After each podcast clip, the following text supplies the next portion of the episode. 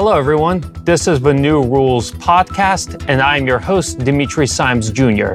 We often talk about military and economics on this program, but today we want to talk about political philosophy for a change. Following the collapse of the Soviet Union in 1991, liberalism emerged as the dominant and practically undisputed global ideology.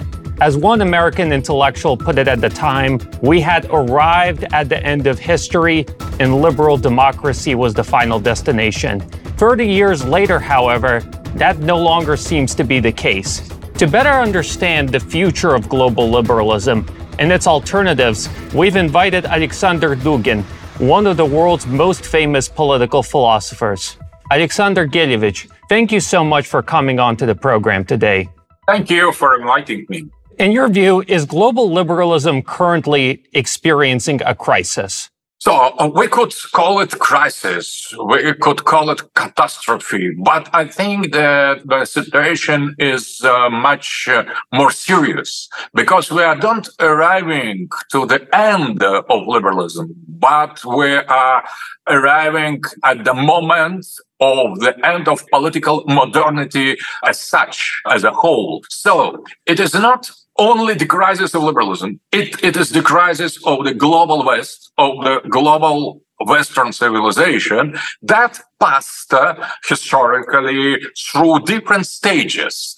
For example, in the 20th century, there was the great ideological war between three main political ideologies. All of them were the products of the Western political science, of Western modernity. That was liberalism of the capitalist society. That was alternative Marxism as well was Western ideology represented by Soviet Union. And there was nationalism as the third political theory or political ideology represented by the countries of the Axis. So all these three products of political modernity encountered themselves in the crucial 20th century and liberalism has won over fascism and over communism. So the main idea of Francis Fukuyama, with whom I had the chance to, to debate,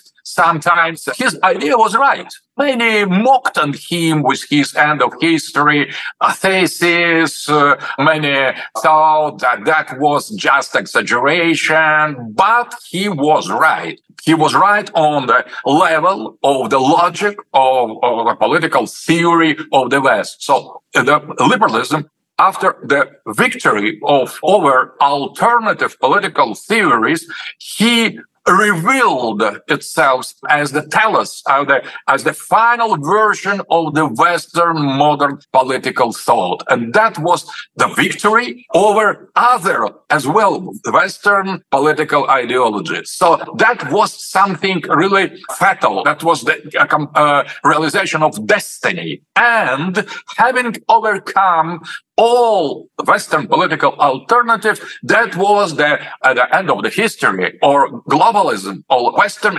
hegemony that stopped to be only Western. So the modern or postmodern liberal hegemony is cosmopolitan, is planetarian, is global, and there is no more the West as we knew it, and that is new global planetary network of liberalism embedded in all kind of society. And the problem now with decline of of uh, the liberalism, it is not just the end of this phase. It is a kind of judgment, the final judgment over the Western modernity. And there are two points of view. They're advocates of this political modernity that now are, they represent only liberalism because all the Western modern alternative were defeated earlier. And there are alternative point of view. So the part of humanity uh, is against uh, this thesis. So there are kind of people and countries and civilization, they have revolted against the end of history. They, they have revolted against Western political modernity in general. And that is precisely where we are. So we are inside of this last judgment of Western political modernity that is presented as if it were the end of the catastrophe of crisis of liberalism. That is something much more deep and much more profound that we are dealing with. That is the fight on um, the fight for the meaning of the end of the history. The history is ended. The Western political history is ended. Now we are fighting. We are continue. We are continuing the fight for the meaning of the end of the history. How would you explain why is this crisis occurring? Because as you mentioned, it seemed like Western political models prevailed with liberalism prevailing over its competitors. Why, after prevailing over so many formidable rivals, why is liberalism in the West experiencing a crisis?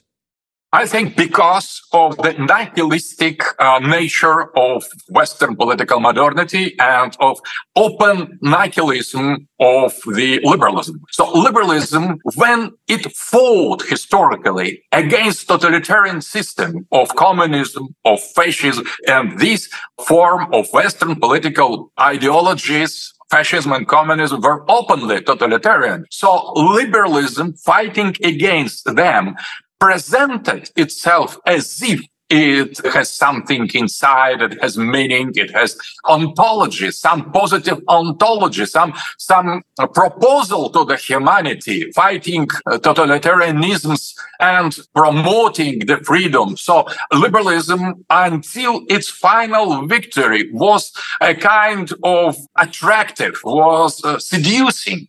He promised the better life, better than in communist uh, societies or in nationalist society. And when it won, and now he is prevailing, its inner totalitarian, anti-human, nihilistic, satanic nature is revealed. So uh, the satanism and nihilism of liberalism was hidden, was implicit in the uh, previous stages, dealing with alternative that as well were totalitarian, but uh, liberalism tried to show itself as less totalitarian or not totalitarian at all. And now we see that without these political alternatives, modern uh, global liberalism becomes the purely pure dictatorship, totalitarian system that imposes on all the humanity the necessity to be liberal. So if you are not liberal, so you are doomed. So you are destroyed totally. If you are illiberal, you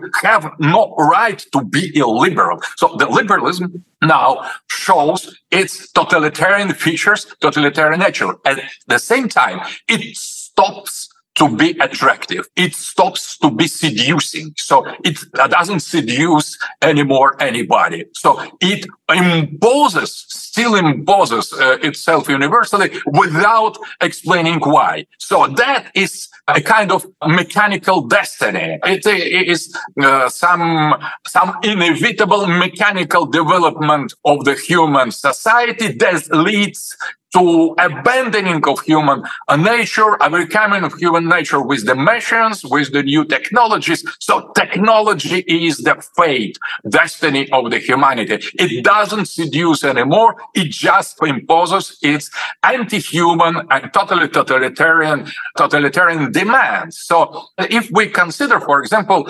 futuristic vision in the, the cinema, in the art made by the West, by in the liberal West, uh, have. We see not one uh, of uh, positive uh, scenario. So everything is Mad Max, everything is Armageddon, everything is uh, atomic atomic catastrophe or atmospheric catastrophe or uh, ecological catastrophe. So there is no other possible vision of the future in the modern Western liberal civilization outside of the global or global decay. So that is a kind of revelation of inner void of the liberalism because now individualism has overcome humanism. Liberalism started with individualistic version of humanism and now we are approaching with anti-human, post-human, transhuman individualism. That is precisely the political agenda of Biden, of Kamala Harris, of modern day progressists uh, in, in the United States. They are openly post-human. They are openly anti-human. They try to destroy the history, destroy all kind of identities, destroy the family, destroy the sex, destroy all kind of traditional institution. And that is open program. It is just a kind of imperative or political imperative of destruction of humanity. So that is the catastrophe. But at the same time, this kind of catastrophe, it is not the kind of uh, shipwreck of uh, Titanic. It is just uh, the terminal station of all political modernity that stay face by face has led us to the point where we are. So it is not just that by something casual, some uh, unexpected, unexpected mistake inside of the triumph triumphal way of the Western civilization to, to the glorious future. It was from the beginning disguised, uh, disguised uh, path to the abyss. And when coming to abyss, approaching abyss, finally we reach it the no way no, no reason to to be frightened to be uh, to be astonished. So if we had this these goals uh, this situation as a goal we could uh, congratulate each other. We uh, have reached the point of no return. And that is precisely the end of history because the end of history is the other name secular name for the end of time you bring up an interesting point, which I think we should delve deeper in because most of our viewers are Americans. And when they think of liberalism, they think of individual freedom, individual prosperity, and technological progress. And when they look at the extreme left and the progressives, they view that as either the enemies of liberalism or a betrayal of classical liberal ideals. But you're saying that in reality, this is the natural consequence of liberalism. Could you explain uh, in greater detail why that is? Why is it that inevitably, I guess, the philosophy of people like Thomas Jefferson and the founding fathers, how did it lead to this sort of nihilistic liberalism that we see right now? So I think that present days America, the main political ideological debate or the polemics is between two kinds uh, of uh, uh, liberalism. Classical liberalism or liberalism of the past that uh, is liberalism of the right and new liberalism or liberalism of progressists uh, progressive liberalism. So that is the other stage, uh, more modern stage of the same of the same of the same process. So that debate is not about uh, the goal of orientation of our movement, but rather the problem is in choosing the right speed or to not to accelerate or not the movement in the same direction. So conservative or traditional liberals, they still defend human individuality and human freedom. And new liberals, uh, progressists, they uh, already already look into the future and they invite uh, to accelerate and go further and to liberate uh, individual from the humanity because humanity in the postmodern philosophy is just the other name for God or fascism or tradition. And in my opinion, so we could not oppose two phases of the same process because the train is going uh, from one station to the other and the past uh, station is just past station, it's not alternative. It is not another direction. So everybody in United States is an agreement of the main orientation of the train more freedom more individualism but they uh, they interpret this freedom and individualism differently the old way liberals still uh, link uh, the freedom to human beings, to human individuals, and progresses. They mock at that. They smile. They laugh. Uh, this uh, awkward, uh, awkward southern slave owners tradition to to consider the human being, and they invite to accelerate the process to overcome that. But all that started historically with destruction of the social links of the human individual that started with individualism, with Protestant first, Protestant, after that capitalist, uh, secularized uh, individualism. Everything started with individualism. And that is precisely what is wrong in all this process. That is a kind of nominalistic, uh, atomistic understanding of the, of the being and uh, abandoning of all kind of collective identity, traditional identity, new collective identity, traditional religious collective identity, individualism worked through all the all last centuries of the Western and human history in order to liberate individual from any kind of collective identity. In that sense, left wing liberals are much more in uh, in tune with the logic of this process because we could not stop on the middle of this uh, of this path. And if we decided already to liberate individual from all kind of collective identity we did that with the church, with the estates, with the traditional society, with the empire, with uh, Roman Catholicism, with uh, after that with national state, uh, and finally with the uh, gender identity. And the last thing we need to accomplish on this way it is to liberate individual from the human identity because precisely because it is the last form of collective identity. In that sense, classical liberals, they are less liberal than new liberals. That, that is all. And the debate between two phases of the same process. And the classical liberals don't understand, as long uh, as I see depth of the problem, they just try to delay, to stop acceleration and not the process uh, of individualism uh, itself. That is why United States, uh, United States of America is doomed because there is no possible alternative. And the right wing politicians and left left wing politicians, all of them, they, they agree on the value of individual and the left wing politicians, liberal, they are more consequent with this line that right liberals who are very afraid that this, the catastrophe is approaching. Yes, it is but you are guilty as well. You cannot put all the guilt or responsibility of left liberalism. You are guilty as well because you defend individual and this concept was from the very beginning absolutely wrong.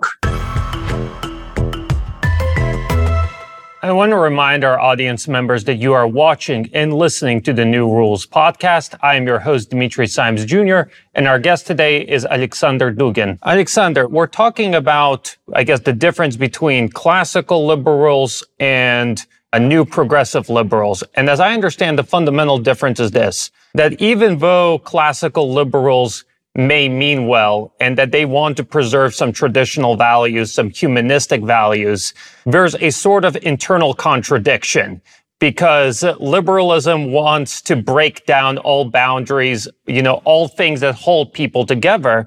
And you can't have religion that way. You can't have traditional family that way because it's I, one way or another viewed as a restriction that limits your freedom. Exactly, exactly. You put it absolutely right. So that is why what what I mean. And I guess you know the argu- the main argument in favor of liberalism that you see is that is a utilitarian one. They basically say that liberal societies are the wealthiest, they have the highest living standards, people are the most quote unquote free there. To what extent do you think this is a true argument? So if you put, uh, if you put the matter, material well-being over all other considerations as spirituality, psychological feeling, uh, intellectual richness, uh, the high culture, maybe you have already committing uh, some revolution in the real realm of values. So because traditional society as well was uh, was very attentive to material values but all traditional society they put the, uh, the meaning of the material values under higher values moral spiritual religious cultural intellectual and the measure of traditional society could not be reduced only to material prosperity. So first of all, we need to say that if you put material prosperity over all other considerations, so you already are in fight with traditional society that uh, differently, they behave differently. So, but if we apply the, these uh, material uh, criteria to the uh, Western society, now we see that this argument doesn't work anymore because many, uh, many other society, non-Western society, and preserving their own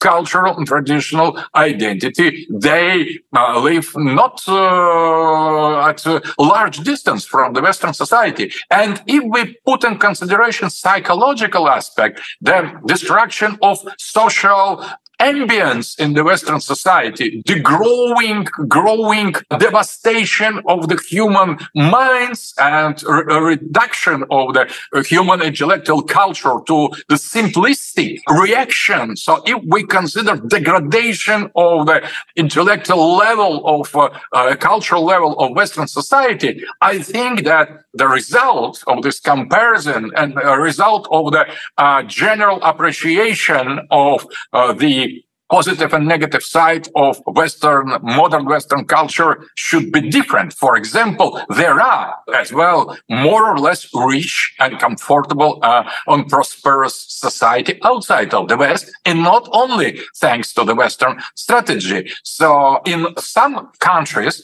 accepting Western model come to total disaster and the other uh, using Western model or not using Western model come to uh, opposite result, very positive. So if the capitalism and or Western values could not be regarded, it's obvious today as universal, universal rule to reach the prosperity at high level of material being, well-being. So there are many other levels. So I think this attraction doesn't work anymore because there are other examples in the Asian society, the, in the uh, Muslim countries, where the people have the very a very high level of well-being, not being totally involved in the liberal decay without gay marriages, without uh, gay prides, LGBT, transhumanism, and so on. But why uh, Western society is considered still to be rich, to be prosperous? Because of inertia. I think the people who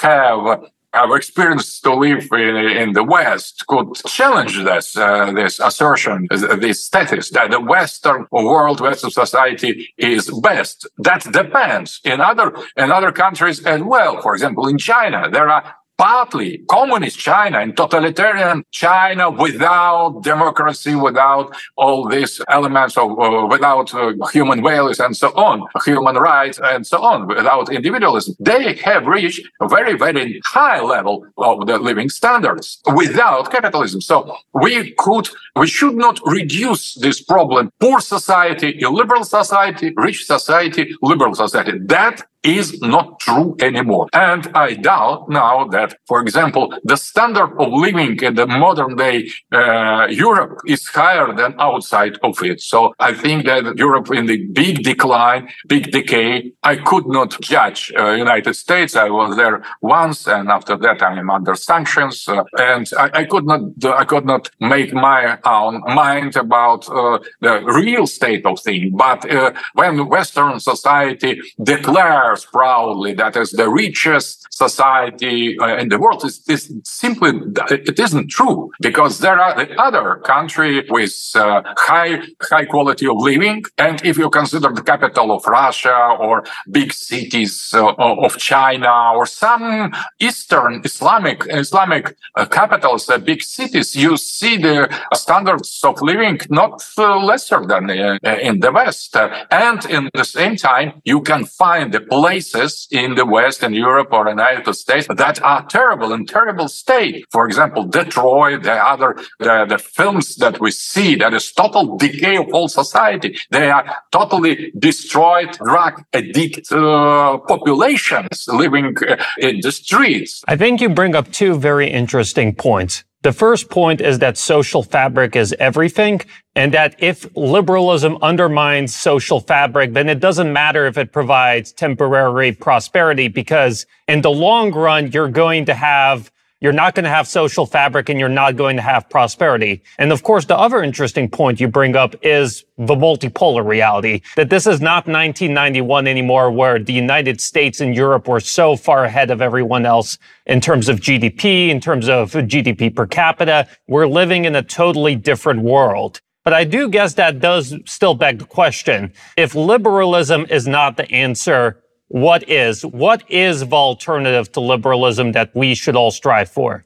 That is very interesting. Uh, that is the point where my my theory of fourth political theory began. Fourth political theory began because when we consider the failure of liberalism, if we consider them the liberalism as catastrophe and precisely catastrophe that oh, liberalism was from the beginning starting starting destroy the social fabric so uh, from the beginning and arriving at the point of real, full realization of this program, that is just manifestation of the real nature of the initial plan. So it is not something that was occasionally happened That was the plan to lead the humanity to state where it is now in the Western world. Uh, so it is not uh, occasion, uh, occasionally. And at the same time, if we consider that as failure, we need not to get into the trap of classical Western political alternative to liberalism. That is main point of uh, fourth political theory. If we come to conclusion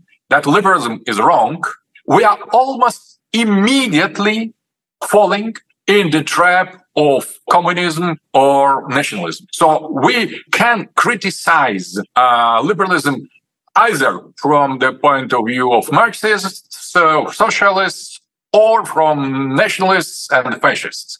So, uh, and liberalism knows how to deal with West, with these Western political alternative ideologies. Uh, liberalism uh, knows very well how to criticize them, how to demonize them, how to overcome them. Because uh, liberalism uh, immediately confronting with these two kind of Western political discourse of the modernity dealing with communism and with nationalism could um, demonstrate easily the, the limitations, the totalitarian nature, the excesses of these political theories applied in the practice. So uh, liberalism is immune to these uh, intrinsic Western uh, political criticism from the left and from the right. So if we refuse to be considered and to accept communism or fascism, so we need to get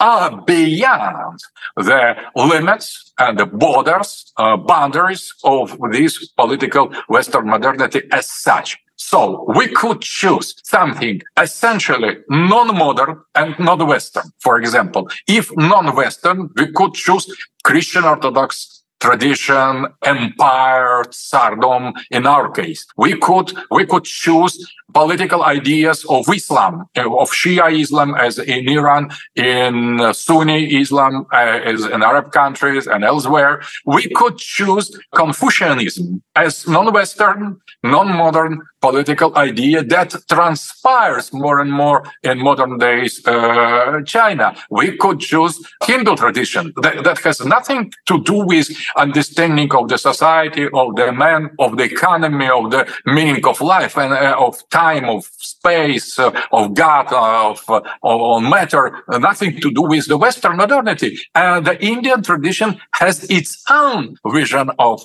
how political society should be. Same for Africa. And now there are more and more people defending African identity in politics, and culture, and civilization. And as Kemi Seba, as Bosonk, Runoko Rashidi, and many others who defend African political identity outside of liberalism, communism, and fascism. The same with Latin America, the same for all the humanity. So if uh, we consider non-Western world, we should choose something not Western, something original, something uh, natural to the identity of the non-Western civilizations. That is precisely that Samuel Huntington has had in view, opposing a clash of civilization to uh, Fukuyama's project. But we could suggest to the West itself something that should be alternative to its uh, modern, to its political modernity. So, for example, for the Western people, we could suggest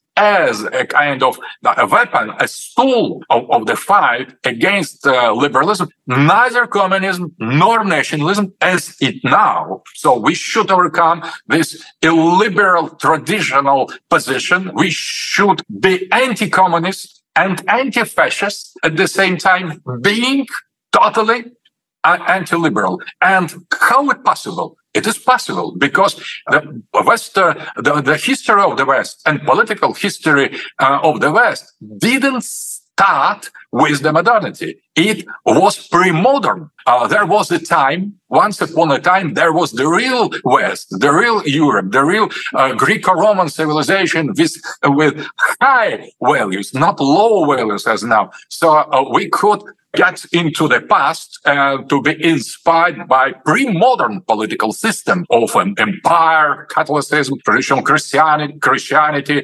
Greco-Roman political vision, not uh, perverted by uh, the modern atomism, uh, liberalism, and individualism. Or we can accomplish a kind of uh, jump into the future and to become totally postmodern, not postmodern as today, because modern days postmodernism is still modern. It is just continuation of the same of the same discourse of the same uh, liberation of the same liberalism of the same individualism. The real postmodernity, the postmodernity possible but not yet uh, uh, realized it is just possibility. So uh, postmodernity that could cut the roots with the Western political modernity being Western. So it, uh, I think that that is very, very challenging to try to construct fourth political theory for the West, relying not only on the tradition of the sacred tradition of pre-modern Western as well, Western values, as traditions suggested, by the way, but we could make differently, different step and try to imagine totally new postmodern Western political theory that should have nothing to do with liberalism, communism, uh, neither fascism, but uh, nor fascism, but at the same time it uh, should be Western. It could be Western, anti-liberal, anti-modern, and not only pre-modern, but postmodern is as well possible. It is not easy, but I think you in, in the West, uh, you have so many interesting authors that thought in, this, in the, that direction. For example, Martin Heidegger or Friedrich Nietzsche. They as well, they stigmatized the modernity as nihilism and they tried to suggest to find, to open new ways out of that uh, Heidegger called that the new beginning. So the Western culture, the Western peoples could save themselves from the, this totalitarian liberalism, from hegemony, creating totally new vision, new beginning of the political philosophy outside of Western political modernity is challenging. I think that is invitation uh, to create, to imagine something new, not only repeat or find inspiration in pre-modern phases of uh, Western Western uh, history. That is as well possible because in the Middle Ages, the people and the society believed in the eternity. They didn't believe in the God of the past. They believe in the God of the of uh, past, uh, present, and future, uh, and uh, eternal God. Eternity is not the past; it is as well the future. And if you inspire yourselves by eternity, you will could give to uh, your future some ontological base that proceeds or should proceed from the eternal source of inspiration. All that was totally mocked at and uh, forgotten and rejected by political modernity. And that was reducing the inspiration for political creation. So I'm a kind of Platonist. And I think that appealing to the highest principle, you can always bring back to the earth some inspiration and some new decisions for the future. I want to remind our audience members that you are watching and listening to the New Rules podcast. I am your host, Dimitri Simes Jr., and our guest today is Alexander Dugin. Alexander, Russian President Vladimir Putin has repeatedly said that Russia stands against uh, the sort of liberalism that we see in the West.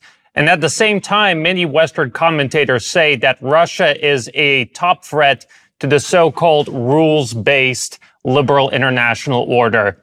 Is it fair to say that Russia is leading the global revolt against liberalism?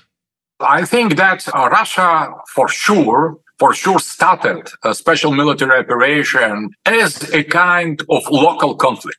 So I didn't didn't believe that Putin had in mind to challenge the global liberal civilization. But coming inside of this local conflict, based on the strategical interests of Russia and uh, driven by understanding that NATO presence, NATO presence, uh, the boundaries so close to Russia isn't, isn't acceptable for us. After that, the uh, impact of this clash uh, provoked uh, deep inside in the reason of these events, tragical events. And I think that step by step, Putin himself arrived to the conclusion that we are fighting not only for our sovereignty, not only for multipolar world, but as well we are fighting against a liberal hegemony and pretension of the Western liberal civilization to be unique, to be obligatory, to be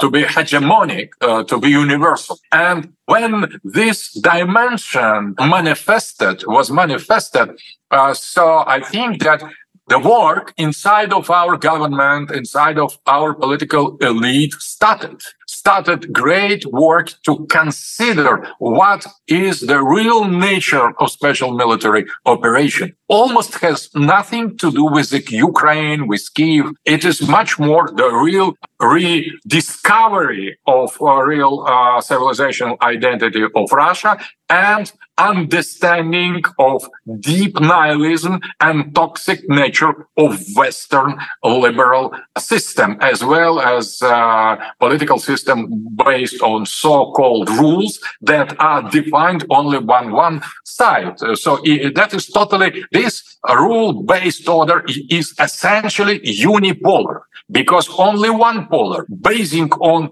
its own ideological, philosophical, cultural, civilizational principles imposes these rules on all other humanity. And when these rules enter uh, in the contradictions, uh, in the contradiction with their interests, they change it. So Putin revolted against that he started this uh, revolt in the kind of uh, a limited way, very small way, uh, as a border conflict with Ukraine. But step by step, he and the political elites started to come to the conclusion that it is the real, the real fight and the real war against satanic Western civilization. And if uh, we don't uh, still we don't cut all the all the ties with this satanic civilization using its technologies trying to save uh, some uh, relations with uh, the global institutions. But inside of our society great work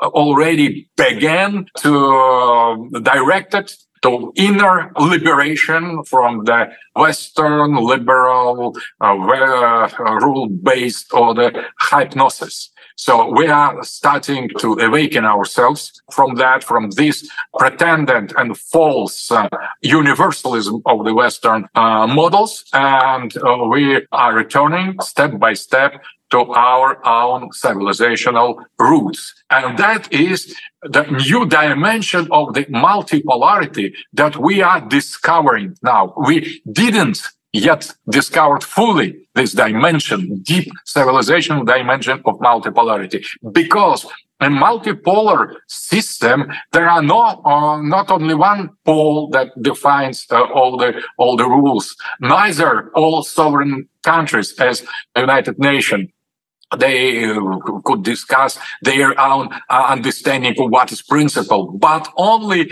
great civilization, great spaces could affirm and defend uh, their own understanding of what is good and what is bad uh, and true or false. And for that, you to have big space. Uh, uh, you have to be civilization, not only the countries. So the real sovereignty in multipolarity belongs to the poles, not, and this pole doesn't coincide with country. For example, Eurasia, not Russia, Islamic world, not uh, such or such Islamic country, uh, China plus Taiwan, that is civilization, maybe the partly in the China and, other uh, places, uh, India with Bangladesh and Nepal. So the African as a whole, Latin America as a kind of pan Latin American alliance, something like that. So only such uh, big spaces could be poles. And that demands to return to the principle of each civilization with all the depths included in religion, in the culture, in psychology, in the roots, in the civilizational identity.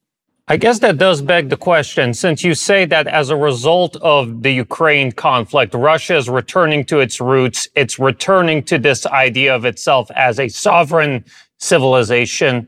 Could you tell for our audience members, most of who are Westerners, what is Russia's ideology? What is it fighting for? What sort of world is it trying to create, in your view?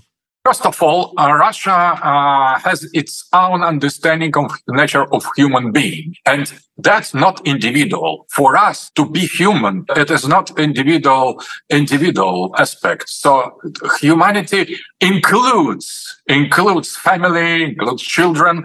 To be human, it's to be already collective and the, to be human includes the society includes the people includes the state. So that is collective ontology of the human being. That is the special feature of traditional civilization and of russian civilization. Second aspect. We have Orthodox Christian Orthodox ethics. It is much more contemplative than active. It is much more stable than uh, oriented to the expansion. Third, we are agrarian civilization and we have still agrarian psychology uh, linked to the earth, uh, linked to the nature, linked to the natural ambience and being put in the towns, uh, in the cities, we are suffering. Our psychology is suffering. Uh, so we look, uh, we Russians, we look moderns and Western uh, on the surface, but uh, innerly we are totally different because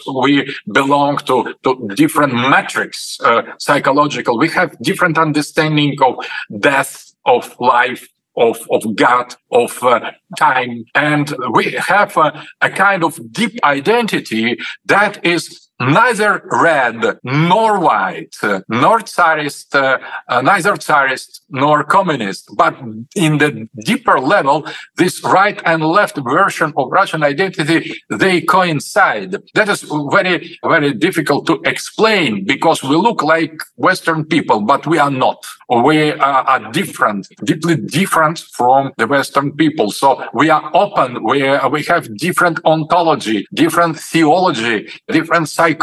And our version of Christianity from the beginning was different from the Western one. So I think that individualism is precisely what we lack. We don't have in our culture idea of individual. And if individual appears in our culture, it is rejected, it is mocked at, it is uh, understood as some perversion and some monster. I presume maybe idealistic society of the West thinks and says says the same of us approaching Russian and people in the West now understand that we are different. Yes, we are different. And uh, we are not like you. We are different, not better but not worse. So uh, that is very important. So to be different doesn't mean to be worse or better. That, that is the logic of the West, of the hegemony of colonialism. We are different, but neither worse nor better. We are just different, very, very different. We have different understanding, a deep understanding of anything in uh, the uh, in the world, in the in the being, in the history, and it is not easy to to understand, to to get, because uh, on the surface we are just exactly like you, but uh, our inner man, as Saint Paul has said, he has introduced this concept of inner man. So inner man, inner Russian man is very, very different from the Western inner man. So our, our paradigm, our archetype is totally different. And that is the basis of our special uh, Eurasian Christian Orthodox Russian civilization. I guess that does. I think many of our audience members will have the question. You mentioned that Russians and Westerners, on the one hand, appear very similar, but are different in fundamental ways. I think what a lot of them will want to know is, do you think it's inevitable for Russian civilization and Western civilization to be enemies, to be in conflict with one another forever? Or is it possible for these two civilizations who are very similar but also very different to find some way to coexist with one another?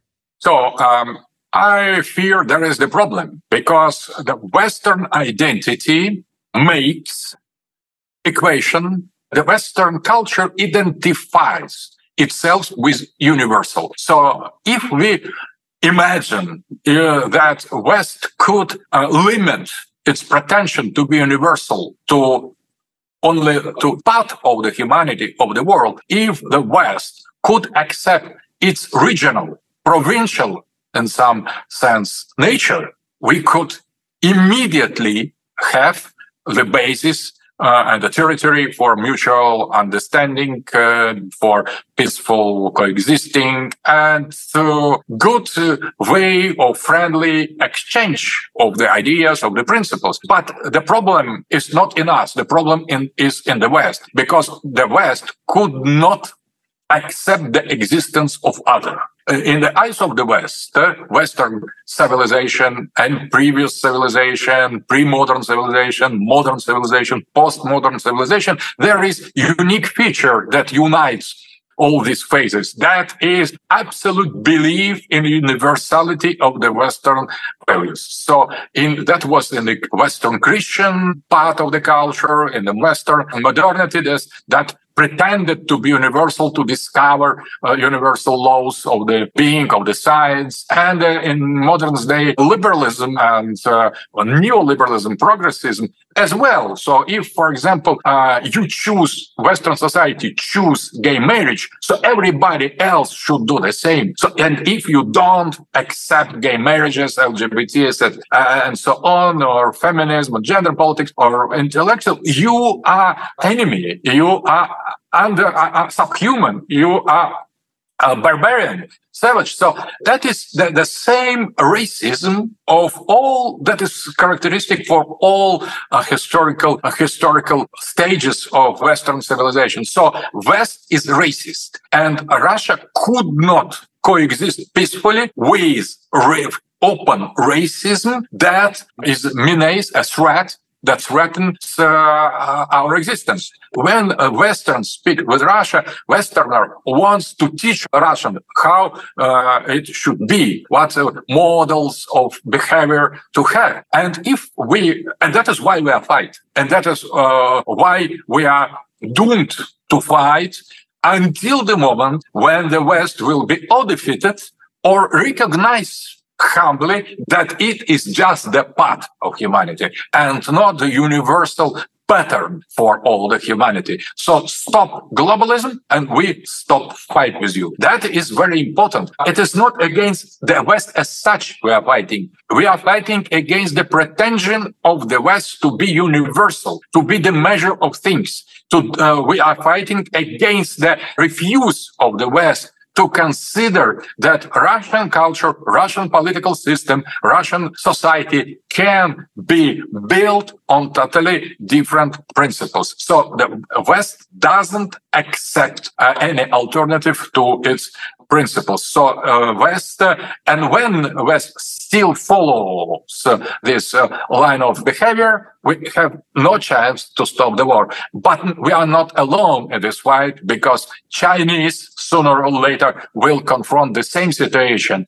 Africans, is Islamic world already is half awakened against this threat of the Western racism. Latin America, India, finally. So we are humanity. We are majority. We are majority fighting against not the West, but against the Western racism, against the Western hegemony and Western pretension to be universal. So that when uh, this pretension to be universal on the behalf of the West exists, the fight will go on. Only when it stops, we could think and dream about creation of the balanced and friendly and real multipolar system of relations. And we could pr- promote uh, friendship and uh, exchange of technologies, of resources. But before that, we will fight, fight until the end.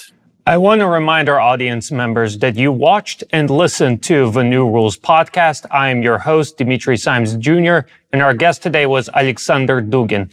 Alexander, where can our audience members keep up with your work?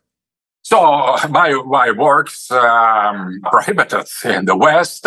You can buy them on Amazon. You can't buy them in the bookstores because I'm considered most dangerous philosopher uh, in the West. So I'm totally cancelled. I'm totally destroyed, deconstructed in the West, and you can guess why. Uh, so if, for example, they say I'm fascist, I just in this program I have uh, explained why I'm anti-fascist. They say, if not fascist, so I'm a Stalinist, I'm communist. I just explained why I'm anti-communist and uh, why are the reasons for that. Not I'm just defend myself. So I'm, I'm not communist and neither communist nor fascist by the profound philosophical reason not to be that I easily explain. So that is a wrong, a wrong label. So uh, I am in favor of Putin. I am considered to be advocate uh, of um, special military operation. Yes, that's right. But at the same time, they start to conceal me, to persecute me, to purge all the people interested in my works before all that. So I'm under,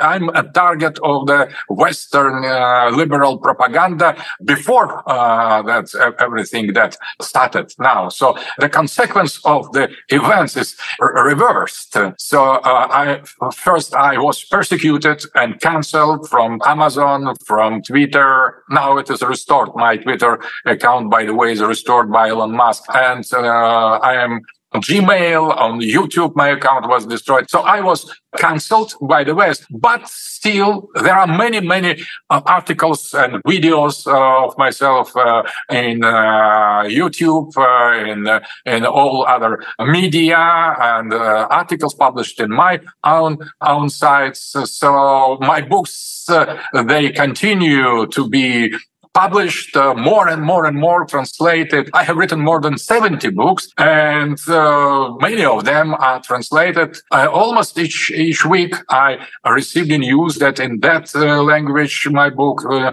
uh, is translated in other language, the other book, and so against all the restrictions, all the persecution, I'm considered to be the main public enemy of the West, and I think you guess why? Because in this uh, conversation, I tried to explain in short terms, short words, my position, and it is not, not difficult to uh, to understand why I'm so demonized, uh, I'm so criticized, I'm so blamed, and why they could not afford the liberals could not afford the real dialogue with myself. They prefer to kill me uh, as they have killed my daughter. So they, and when you kill your opponent, that means you have no serious argument against because violence, it is the weapon of the stupid, of the weaker, of the weakest, uh,